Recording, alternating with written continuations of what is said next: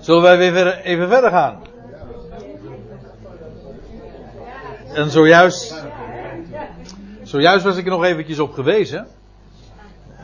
Het is, is nu zo'n grote schroom om nog iets te zeggen tijdens eh, deze bijeenkomst. Dat was helemaal niet de hint hoor. Maar eh, zojuist werd ik er nog even op gewezen en dat vond ik erg mooi. Hartelijk dank. Bij deze wil ik nog graag even doorgeven. Dat het zo mooi is dat je van de Emmausgangers leest dat zij zeggen, nadat ze zijn onderwezen vanuit de schriften, was ons hart niet brandende in ons. Hè? Toen hij ons onderweg de schriften opendeed.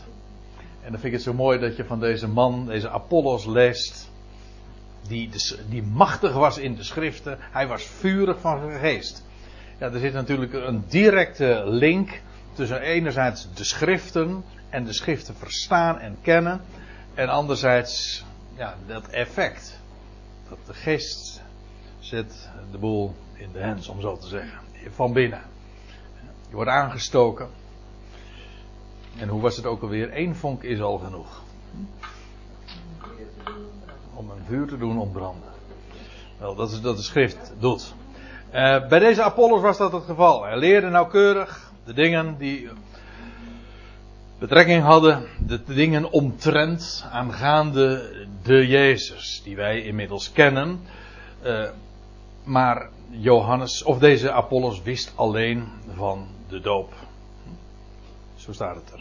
Op de hoogte was hij alleen van de doop van Johannes.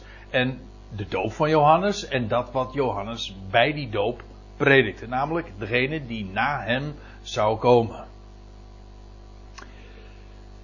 Trouwens, als we het daarover hebben, dan, eh, dan zijn we, komen we op een terrein waar we de volgende keer eh, weer in verder gaan. Want als we dan in handelingen 19 aan- aankomen, dat Paulus in Efeze arriveert, dat Paulus in Efeze arriveert, dan ontmoet hij daar twaalf mannen, twaalf discipelen. En die wisten ook alleen maar van de doop van Johannes. Dat is een heel eigenaardige zin, daar gaan we het de volgende keer over hebben. Maar dat is eigenlijk een soortgelijk verhaal als deze Apollos. Kende alleen de doop van Johannes. En hij kende dus de weg des Heren, dat wel. Maar, en hij wist dat allemaal nauwkeurig, maar neemt niet weg eh, dat hij toch nog eh, nauwkeuriger zou moeten worden ingelicht. We zullen dat straks zien. Laten we eerst eventjes eh, verder gaan in vers 26. Er staat, en deze, Apollos dus, hij begon vrijmoedig op te treden in de synagoge. En ik vind dit wel een aardige aanleiding om eens even iets te zeggen over een grammaticaal eh, begrip. En sommige mensen, als ik, als ik het woordje grammatica noem, dat, ik ken dat fenomeen maar al te goed, want als ik, ik eh, geef Nederlandse lessen aan Polen. En als ik het woordje grammatica noem, dan, dan ken je het, eh, Menno. En dan slaan mensen sommigen sommige op tilt, want daar eh, hebben ze niet zulke goede ervaringen mee. Niet iedereen heeft taalgevoel in het woord grammatica. Dat kan allerlei, kan je alle kleuren van de regenboog doen geven. Maar ik zal het simpel houden. Eh, dit heet, in het Grieks staat hier een mediale vorm. In het Engels zeggen ze, spreken ze dan van de middle voice. En dat wil zeggen, een woord, dat kennen wij in Nederland niet. Een woord is actief. Hè? Ik was. Hè? Of ehm, ik maak. ehm, ja, ik, ik ben aan het wassen. Dat is actief. Hè? Of ik word gewassen. Dat is passief. Maar het Grieks kent nog een vorm. Het Grieks heeft een buitengewoon precieze en rijke en gedifferentieerde grammatica. Er is namelijk nog een mediale vorm. Dat is tussen actief en passief in. In de interlineair wordt dat ook aangegeven door zo'n streepje. Dit woordje beginnen, het werkwoord beginnen, is hier niet actief. Het is niet passief. Het zit er tussenin. De dat heet de mediale vorm. Dat geldt trouwens ook hier van het woordje vrijmoedig zijn. Dat is dit tekentje. Daar zit zoveel in. Maar wat ik hier dan zo mooi in vind, en dat is wat ik er graag eh, over, over gezegd wil hebben, is, kijk, aan de ene kant, hij trad vrijmoedig op, dat is Een activiteit. Hè? Hij trad vrijmoedig op. Ja, en tegelijkertijd heeft het ook iets passiefs. Het namelijk iets wat je overkomt. Ja, uh, waarom, waarom was hij vrijmoedig? Hij was vrijmoedig. Dat, dat is, dat is de, het actieve element, zeg maar, erin. Maar er zit ook een passief element. Het overkomt je. Net zo goed als waar ik het net over had. Die vonk die dan overslaat en dan word je. Dan, dan brand je. Hè? Ja, dan brand je of dan word je gebrand. Maar beide elementen heeft het in zich. Je kan niet anders. Net zoals als je. Dat woordje vrijmoedig trouwens. Dat wil zeggen eigenlijk in paresia. Dat heeft te maken. Dat is ook weer opgebouwd door twee elementen. En dat betekent alles laten stromen. dus je, alles wat er binnenkomt. dat druk je ook uit. Vrijmoedig wil zeggen je laat niks achter. Alles stroomt. Ja, is dat iets actiefs? Ja, ongetwijfeld, natuurlijk. Dat is wat mensen ook opmerken. Ja, maar die vrijmoedigheid komt ook van binnenuit. Je kan ook niet anders. En dat is de passieve kant. Eh, als je, als je de vrijmoedigheid waar, eh, waarmee deze Apollos optrad, ja, dat heeft de gedachte ook in zich. Als je, als je dat woord kent, dan moet je er ook van spreken. Dat is die passieve kant. Er zitten ongetwijfeld nog meer andere kanten aan, de, aan, het, eh, aan, aan, aan deze kwestie, aan die mediale vorm. Maar ik vind dat prachtig. Zowel dat actieve als dat passieve. Wij denken altijd maar van dat het uh, duaal is. Hè? Van iets is of actief of het is passief. Dat is niet zo. Doet God het nou? Het is een bekende theologische kwestie natuurlijk ook. Doet God het nou of is dat iets van de mens? Dat is. Uh, dat is heel dikwijls niet eens uh, zo te beslissen. Het is en het een en het ander. Ik weet het. Er zijn ook dingen waarin een mens volstrekt passief is. Er zijn ook elementen waarin een mens actief is. En zoals u hier ziet, in zo'n mediale vorm, is, zitten beide elementen besloten. En moet, u moet daar in die interlineair maar eens op letten. Want uh, ik kan u verzekeren, Menno heeft dat er niet voor niks bij gezet. Altijd, hè? Altijd. Als het de mediale vorm is, en die komt heel dikwijls voor, Menno. Ja. Uh, dan, dan staat dat, dit tekentje erbij. En je zou er zomaar aan voorbij gaan. Het punt is, je kan het namelijk in de vertaling niet weergeven. Wij kennen, dat, wij kennen die vorm niet. Dus hoe moet je dat dan weergeven? Je wilt namelijk die informatie in zo'n interlineair toch meegeven. Nou, dan doe je het door middel van zo'n symbooltje. Een andere optie is er dan niet. Wilde je daar nog iets aan toevoegen, Menno? Ja, dat is een derde van alle vormen. Een derde? Oké. Okay. Nou, moet je nagaan. Een soort meelopen meelopen. Je loopt. Ja. Ja, daar zit ook iets, daar zit ook iets mediaals in. Ja. Ja. Hè? Sorry? Ja. Nee, ja. Ja. Nou ja, we zullen er uh, nog wel eens een keertje vaker uh, bij stilstaan. En uh, als het zo uitkomt, wil ik daar graag ook op wijzen. Maar ik kan me niet herinneren dat ik er al eens een keertje eerder eventjes wat over verteld heb. Over, over dat, dat tekentje wat u dan ziet. Maar dat zit erachter. Afijn. Apollos. Hij begon vrijmoedig op te treden. Mediale vorm dus, dat weet u nu. En waar dan? Wel, dat was in de synagoge. Dat was een Jood. Hè. Dus we praten hier nog echt over een hele Joods omgeving. Er was hier in Efeze trouwens ook nog helemaal niet, geen sprake van een ecclesia. Dat, zou, dat komt er wel, maar hier is dat nog niet het geval. Het is nog een volstrekt Joods synagogaal gebeuren. Ja, dat schijnt echt een woord te zijn. Ja. En deze begon, ja, je hebt kerk, kerkelijk en dan heb je ook synagogaal. synagogaal. Al breek je een beetje je tong erover.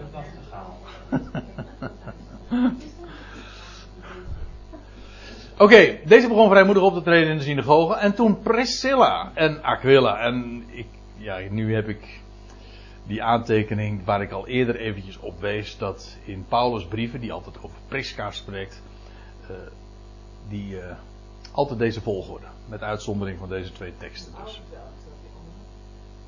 Is dat zo? Ja, oh jee. Goh.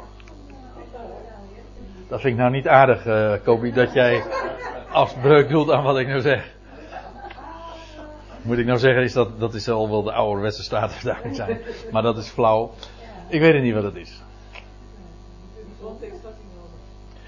Ja, nou ja, weet je, in de, dit heeft dus niet te, te maken met de vertaling.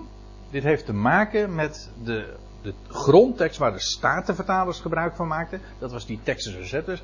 En waar de moderne vertalingen op gebaseerd zijn. Want de moderne vertalingen, wij, de, de kennis van de grondtekst in deze tijd is veel groter dan in de dagen van de statenvertalers. Er is namelijk heel veel onderzoek. Er zijn, er zijn teksten, de Sinaiticus is sindsdien ontdekt.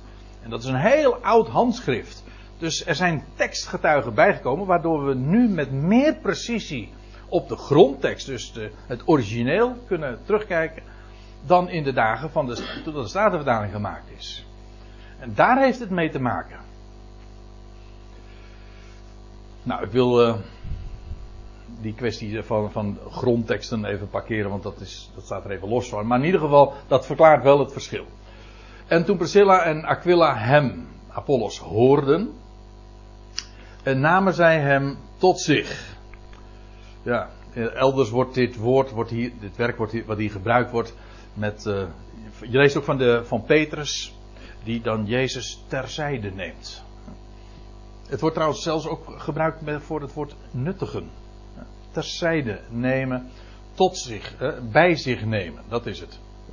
Ze namen het bij zich. Het idee is in ieder geval niet aan publiek. Nee, ze namen hem bij zich en ze legden hem de weg Gods, maar over die weg, daar hadden we het al eerder, nauwkeuriger uit. Let op, die, dit is de vergrotende trap. Hè? Hij, hij leerde nauwkeurig. Hè? vers 25 stond er. En nu, in vers 26. Nou brengen ze hem op de hoogte van de dingen die hij niet wist. En nou leggen ze hem de weg. Ze zetten uiteen, dat is wat hier gebruikt wordt. Ze legden uit, ze, legden uit, ze zetten nader uiteen hoe het nauwkeuriger is. Dus zijn kennis was wel correct, nauwkeurig, maar onvolledig. En dat is wat Priscilla en Aquila aan deze Apollos duidelijk maken en uiteenzetten voor hem. En met de, met de instelling die Apollos had, hij, heeft dat kennelijk allemaal opgezogen, opgedronken.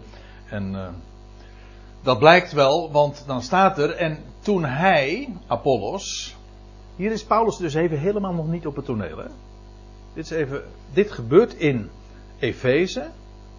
Apollos arriveert daar in Efeze, ontmoet daar Priscilla en Aquila, die achtergelaten was door Paulus. En pas later komt Paulus ook in Efeze. Maar dat is hier nog, dat is pas in Handelingen 19 vers 1.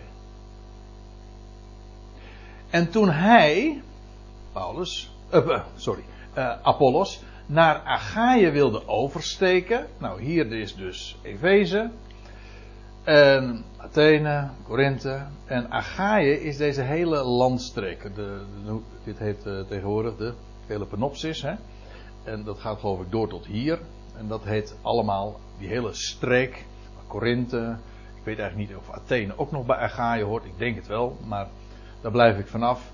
Hij wilde naar Achaïe oversteken. Dat is met recht dus een oversteek. En dan passeer je al die mooie Griekse eilanden. En toen moedigden de broeders hem daartoe aan. Je ziet eh, dus meteen dat als hij daar in, de, in Efeze is en zij uh, raken, zij horen deze Apollos, ze zullen onder de indruk zijn geweest van de wijze waarop hij de schriften uiteenzet, met de nauwkeurigheid ook, uh, die hem eigen was, en de geestdrift, de, de vurigheid van geest. Wel, de broeders die moedigden hem daartoe aan en als hij die oversteek wil maken. En ze schreven aan de discipelen een aanbevelingsbrief dus, dat zij hem vriendelijk moesten ontvangen. Letterlijk staat er om hem te verwelkomen. Vriendelijk staat eigenlijk niet, het moet ook niet. Maar dat ze hem zouden welkom heten. Dat is dus een regelrechte aanbeveling. En deze, Apollos dus, daar aangekomen, waar? Nou, in Achaïe, was door Gods genade van veel nut voor hen die geloofden. Uh, van veel nut, u ziet hier in de, in de interlineair, overlegde. Daar in het Grieks staat er het uh, woord sun, dat betekent samen, samenwerpen en vandaar ook dus het idee van over, overleggen. Ja. Ook trouwens hier weer de, de, mediale vorm, ja. Trouwens hier ook, aankomen. Is ook weer daar aangekomen. Ook mediale vorm. Dus er zit een actief element in. Een passief element. Dat kan ik me in dit geval vrij goed voorstellen. Want als je met de boot aankomt, ja, dan word je gevaren. Hè? Ja, je reist zelf, ja, maar je wordt ook gevaren en, en daar gebracht. Dus ja, dat is ook mediaal. Maar, trouwens, als u een statenvertaling hebt, dan staat er veel toegebracht. Hm? Dus, het eh, idee is dus, hij, hij arriveert daar in Achaïe en, en hij, hij overlegt daar. En dan staat erbij, uh, door Gods genade. Nou, gewoon door de genade. Dat woordje God staat er niet eens in dit geval. Al uh, wordt het er uh, wel verondersteld. Ja, van wie anders, nietwaar? Door de genade. Door de genade, ik heb u al, uh, dat heel, al vaak verteld. Het woordje genade betekent vreugde om niet. Het idee is, het is gratis. Ja, maar het maakt blij. En vanuit die genade, vanuit die bron, ja, overlegt hij. Overlegt hij met hen en, is, en ah ja, aan degene die daar geloofden. Want onvermoeid, op energieke wijze, wordt uh, dit woord, wat hier gebruikt wordt, twee keer in het Nieuwe Testament gebruikt. En uh, die andere keer, dat is in Lucas 23. Dus beide keren uh, alleen Lucas bezig dit woord. En wordt het vertaald met heftig of heftiglijk. Onvermoeid, heftig, op energieke wijze. Geestdrift, nauwkeurigheid, al die eigenschappen. Want onvermoeid, energiek bestreed hij dus de Joden in het openbaar. Uh, nou, bestreed hij. Uh, hij weerlegde grondig dat is toch echt wat anders. Hè? Je kan iets bestrijden. Zo in het, wil, in het wilde weg gewoon met, een, met een wapen uh, Dan bestrijd je wel.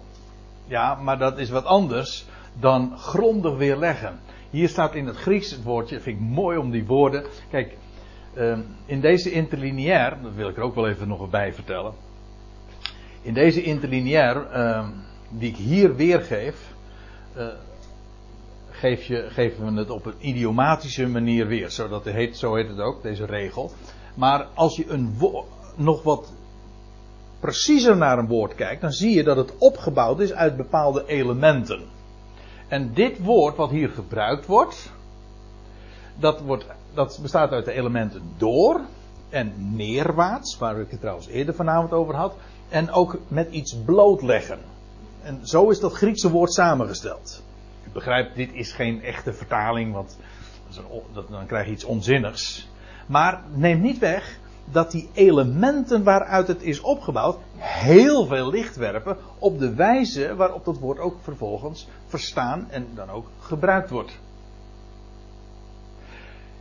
Hij, vandaar ook, hij legt bloot, de dingen worden neerwaarts allemaal blootgelegd. Je, je, je, eigenlijk, er voltrekt zich gewoon, als je het woord zo, of die elementen zo bij elkaar brengt, dan voltrekt zich een film aan je. Dan zie je gewoon hoe je de dingen blootlegt. En vandaar ook, hij weerlegde grondig. Hij was machtig in de schriften. Hij leerde nauwkeurig. Hij was nu, nu nog nauwkeuriger op de hoogte gebracht. En dus hij was in staat om grondig te weerleggen. Dat deed hij eh, niet. Staat hier. Het ging niet eh, alleen maar zo ten huize van. Nee, aan publiek deed hij dat. En hij bewees uit de schriften. Bewijzen u begrijpt wat ik, waar ik mee bezig ben. Ik ben natuurlijk helemaal niet bezig om de MBG-vertalers af te katten of te zeggen dat ze het niet goed hebben gedaan. Die hebben uitstekend werk verricht. Maar we zijn bezig met, met precisie. En dan vind ik het zo mooi dat dit woord, wat er vertaald wordt met bewijzen, dat het eigenlijk de betekenis heeft van iets tonen, iets laten zien, iets tentoonstellen. Dat is wat, uh, het woord wat gebruikt wordt dat heeft een bewijzend effect. Ja, maar het idee is, hij liet de dingen zien. En trouwens, als je het mij vraagt, ik vind het het allermooiste wat een spreker vanuit de schriften ook kan doen. Gewoon laten zien. Zo, zo staat het er. Eigenlijk de, de functie van een gids. Kijk daar eens, heb je dat gezien? Heb je dat daar gezien? Loop nog even met me mee, ziet u dat? Weet je wel? Gewoon vanuit de schriften op dingen wijzen. Hij liet zien uit, of letterlijk door de schriften heen. Ook hier voltrekt zich een film. Hij ging door de schriften heen en hij liet het zien.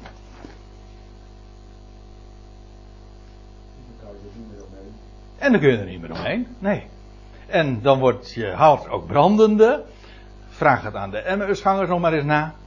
Oftewel, dan word je vurig van geest. En dat was uh, waar die Apollos dus ook over mee kon praten. En door, uh, hij liet zien door de schriften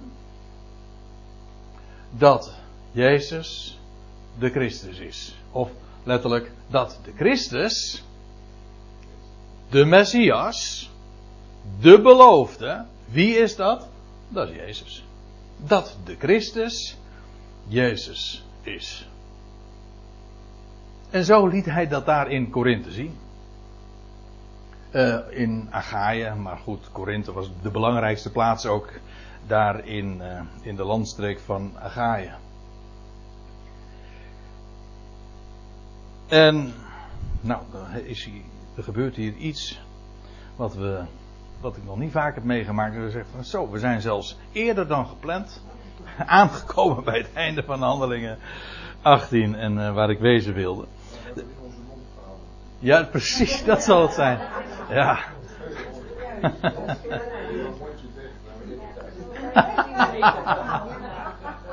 zal dat het zijn? Ja. Ja. Nou ja, het is wel zo, uh, je krijgt dan ook wat feedback en daar reageer je dan vervolgens weer op. Ja, dat triggert je. Dat, zal, dat kan zijn. Maar uh, hoe dan ook, uh, dit is dus, dat wil ik er nog eventjes bij gezegd hebben uh, Apollos, hij was in Efeze en ging dus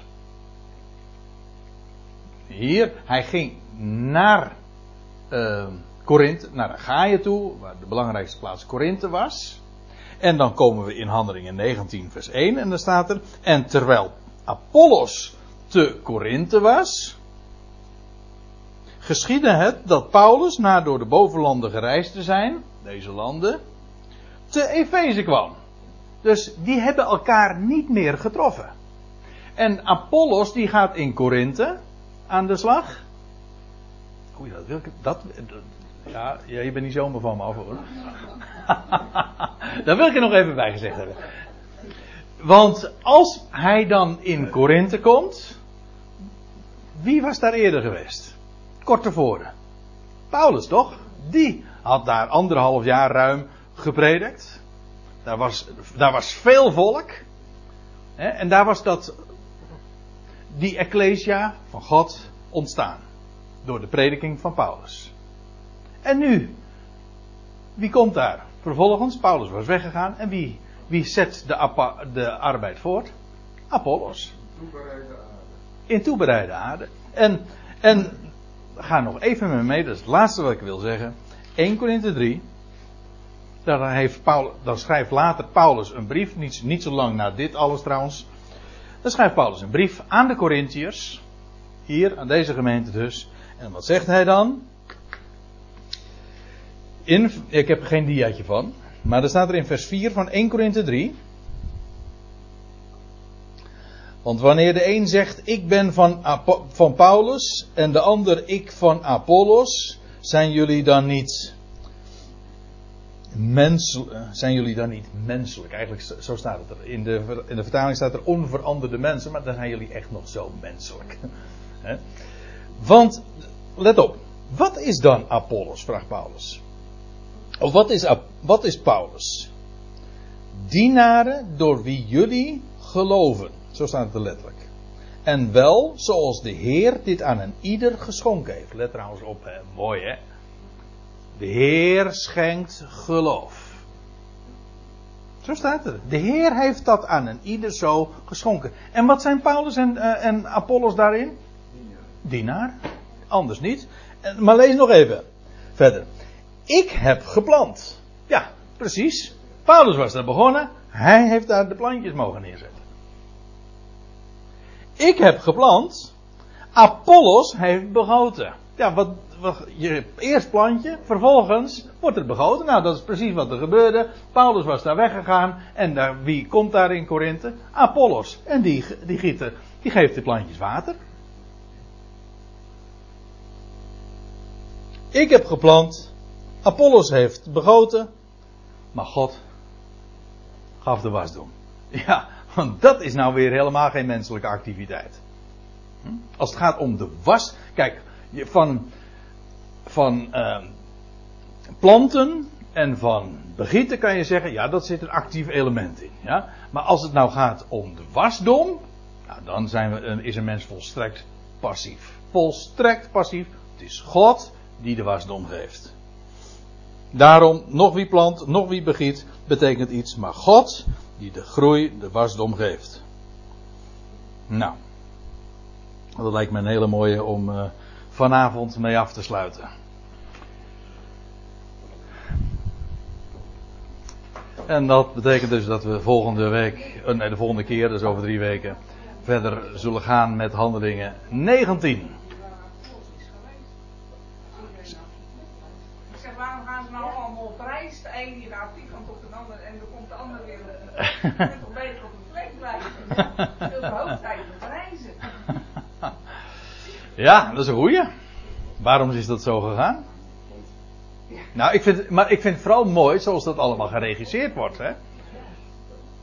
Je hebt een planter nodig en je hebt een begieter nodig. Nou, de een kan dat goed en de ander kan dat goed. En vandaar misschien wel dat er uh, zo, uh, zoveel bewegingen plaatsvinden. Oké, zullen we met elkaar nog afsluiten met dankgebed.